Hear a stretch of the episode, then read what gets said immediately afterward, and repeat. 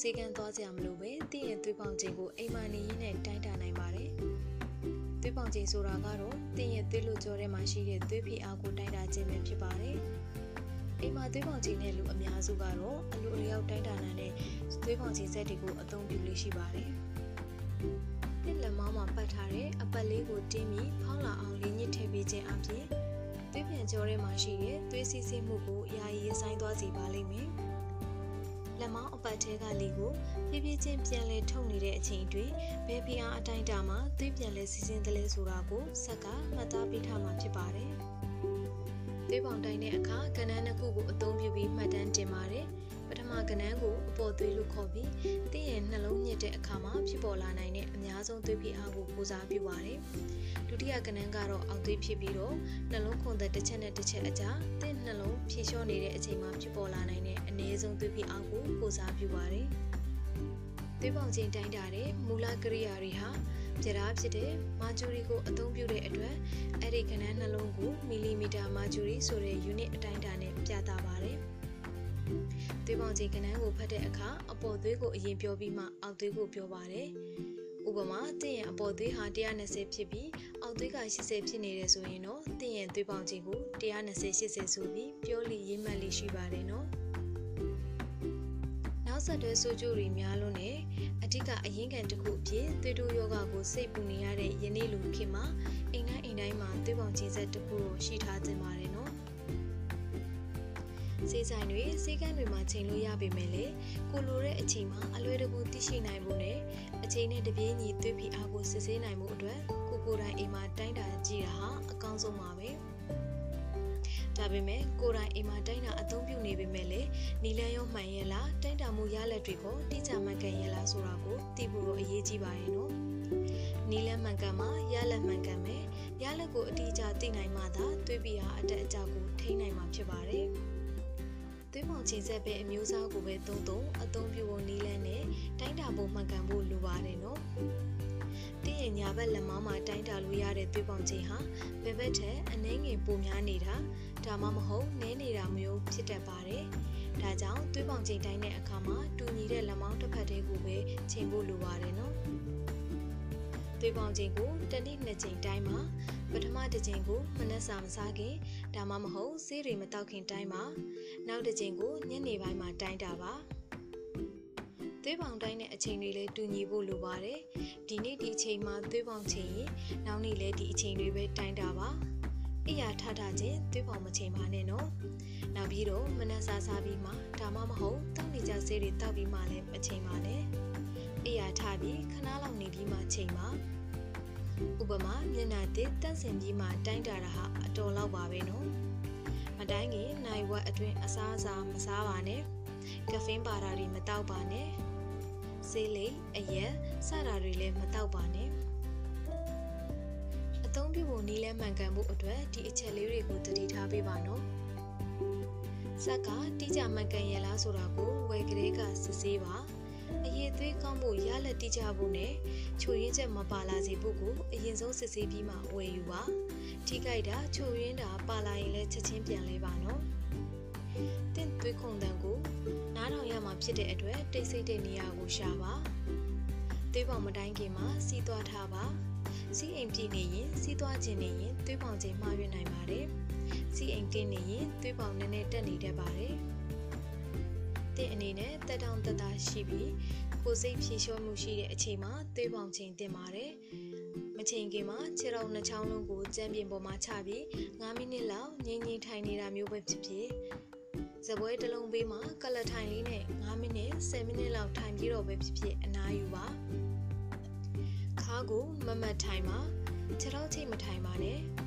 ခြေပြားတောင်ချိတ်မထားသင့်တယ်လို့ခါကိုလည်းထိုင်ကုန်မှာတက်တောင့်တက်တာကျုံးမိပြီးထိုင်ပါ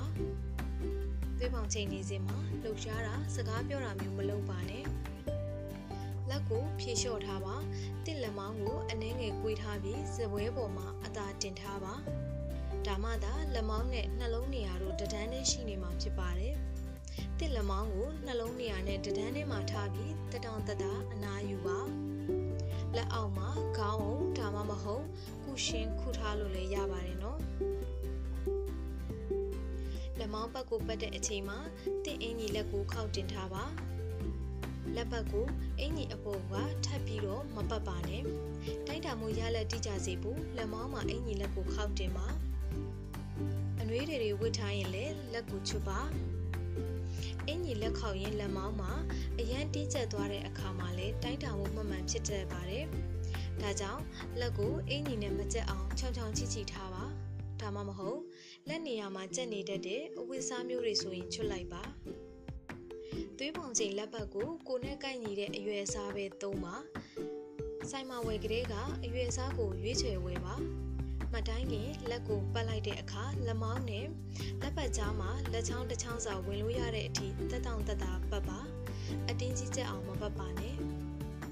လက်မောင်းပတ်နဲ့လက်မောင်းကွေးနေရာတို့အကြားမှာတက်လက်မလောက်ခွာပြီးပတ်ပါတင်ရဲ့လက်ကိုစပွဲပေါ်အလျားလိုက်တင်ထားပြီးလက်ပွားကိုပက်လက်လန်တဲ့အနေထားမှာထားပါလှုပ်လှုပ်ရှားရှားလှုပ်ထားလမ်းလျှောက်ထားပြီးချက်ချင်းမတိုင်းပါနဲ့ လှုပ်ရှားဖိကစားအချိန်မှာသွေးပေါင်ချိန်လိုက်တဲ့အခါမှာသွေးဖိအားရလက်ဟာအနည်းငယ်ကွာခြားနိုင်ပါတယ်။ဒါကြောင့်ဆေးကန်းတွေမှာရောက်ရောက်ချင်းသွေးပေါင်မချိန်ခိုင်းပဲခဏနာပြီးမှတိုင်းတာတာဖြစ်ပါတယ်။သွေးဖိအားကိုတစ်ခါတိုင်းရင်နှစ်ကြိမ်သုံးကြိမ်တိုင်းတာပြီးအကြိမ်အများဆုံးရဲ့အဖြစ်ရဲ့အစွန်းထွက်ကနန်းကိုနှိစက်ရဘက်အမှန်ယူတင်ပါတယ်။ သွေးပုံချင်းဆက်အသုံးပြုနည်းကတော့ဆက်အမျိုးအစားကိုလိုက်ပြီးအနှင်းငယ်ကွာခြားမှာပဲဖြစ်ပါတယ်။အလိုအလျောက်သွေးပုံချင်းဆက်အလိုအလျောက်သွေးပုံချင်းဆက်တွေကဘက်ထရီထည့်သွင်းအသုံးပြုရတဲ့ဆက်တွေဖြစ်တော့သွေးခုန်ခြင်းကိုသိရှိနိုင်ဖို့အတွက်မိုက်ခရိုဖုန်းကိုအသုံးပြုပါတယ်။တင်ခလုံးနှိပ်လိုက်တဲ့အခါ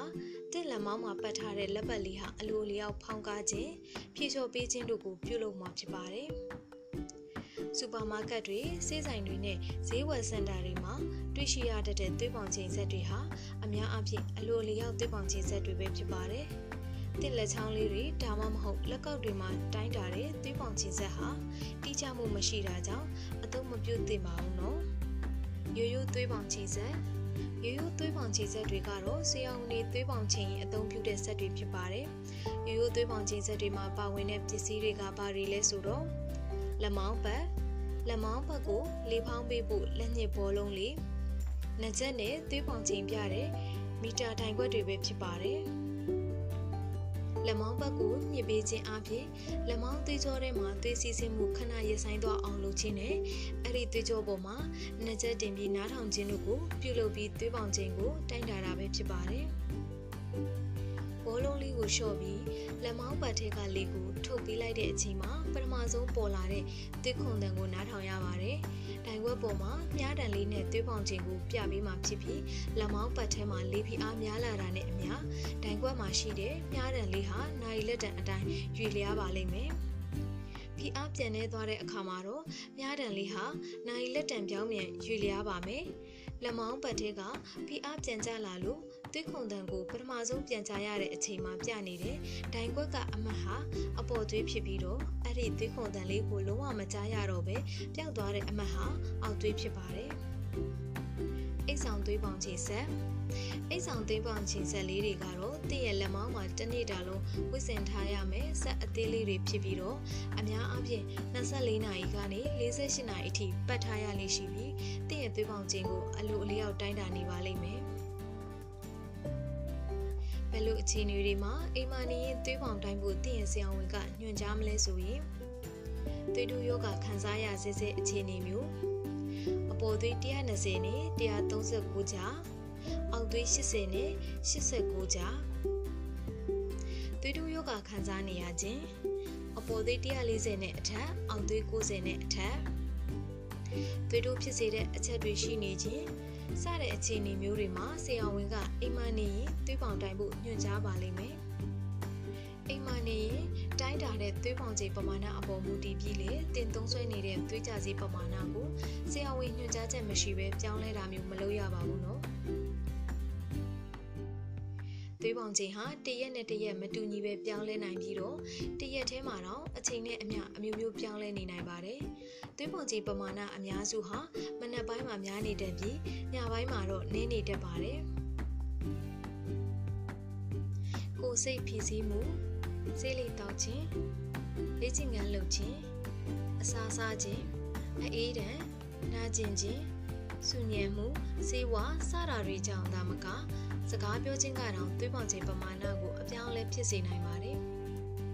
တခါလောက်သွေးပေါင်တက်နေတာနဲ့သွေးတိုးရှိနေပြီလို့ပြောလို့မရသလိုတခါလောက်ပုံမှန်သွေးပေါင်ခြင်းဖြစ်သွားတာနဲ့သွေးတိုးမရှိဘူးလို့လည်းမဆိုနိုင်ပါဘူးတစ်ချိန်နဲ့တိုင်းတာတာတဲ့ဆိုင်ရင်တနေ့တည်းမှာအချိန်များစွာတိုင်းတာခြင်းကပိုပြီးတိကျမှန်ကန်အကျိုးဖြစ်စေပါတယ် ဆဆတိုင်းခြင်းမှာ9မိနစ်ဒါမှမဟုတ်10မိနစ်လောက်ချပြီး3ချိန်လောက်ဇက်တိုက်တိုင်းကျင်ပြီးနောက်ပိုင်းအသားကျသွားရင်တော့တစ်ချိန်နှစ်ချိန်လောက်တိုင်းုံနဲ့လုံလောက်ပါပြီနော်သွေးပေါင်ချင်းပြီးရင်ရလာတဲ့သွေးပေါင်ကိုနေ့ရက်အချိန်အတိအကျမှတ်သားပါမဆုစာအုပ်ဖုန်းကွန်ပျူတာစတဲ့အဆင့်ပြေရနဲ့မှတ်သားနိုင်ပါတယ်နော်သွေးပေါင်မှတ်သားပေးနိုင်တဲ့လှုပ်ဆောင်မှုမျိုးတင့်သွေးပေါင်ချင်းဆက်မှာပါဝင်ကောင်းပါဝင်ပါလိမ့်မယ် တချို့ဆက်တွေဆိုရင်သွေးပေါင်ချင်းရလက်တွေကိုကွန်ပျူတာထဲကိုတောင်တိုက်ရိုက်ပို့ပြီးမှတ်သားနိုင်တာမျိုးလည်းရှိပါတယ်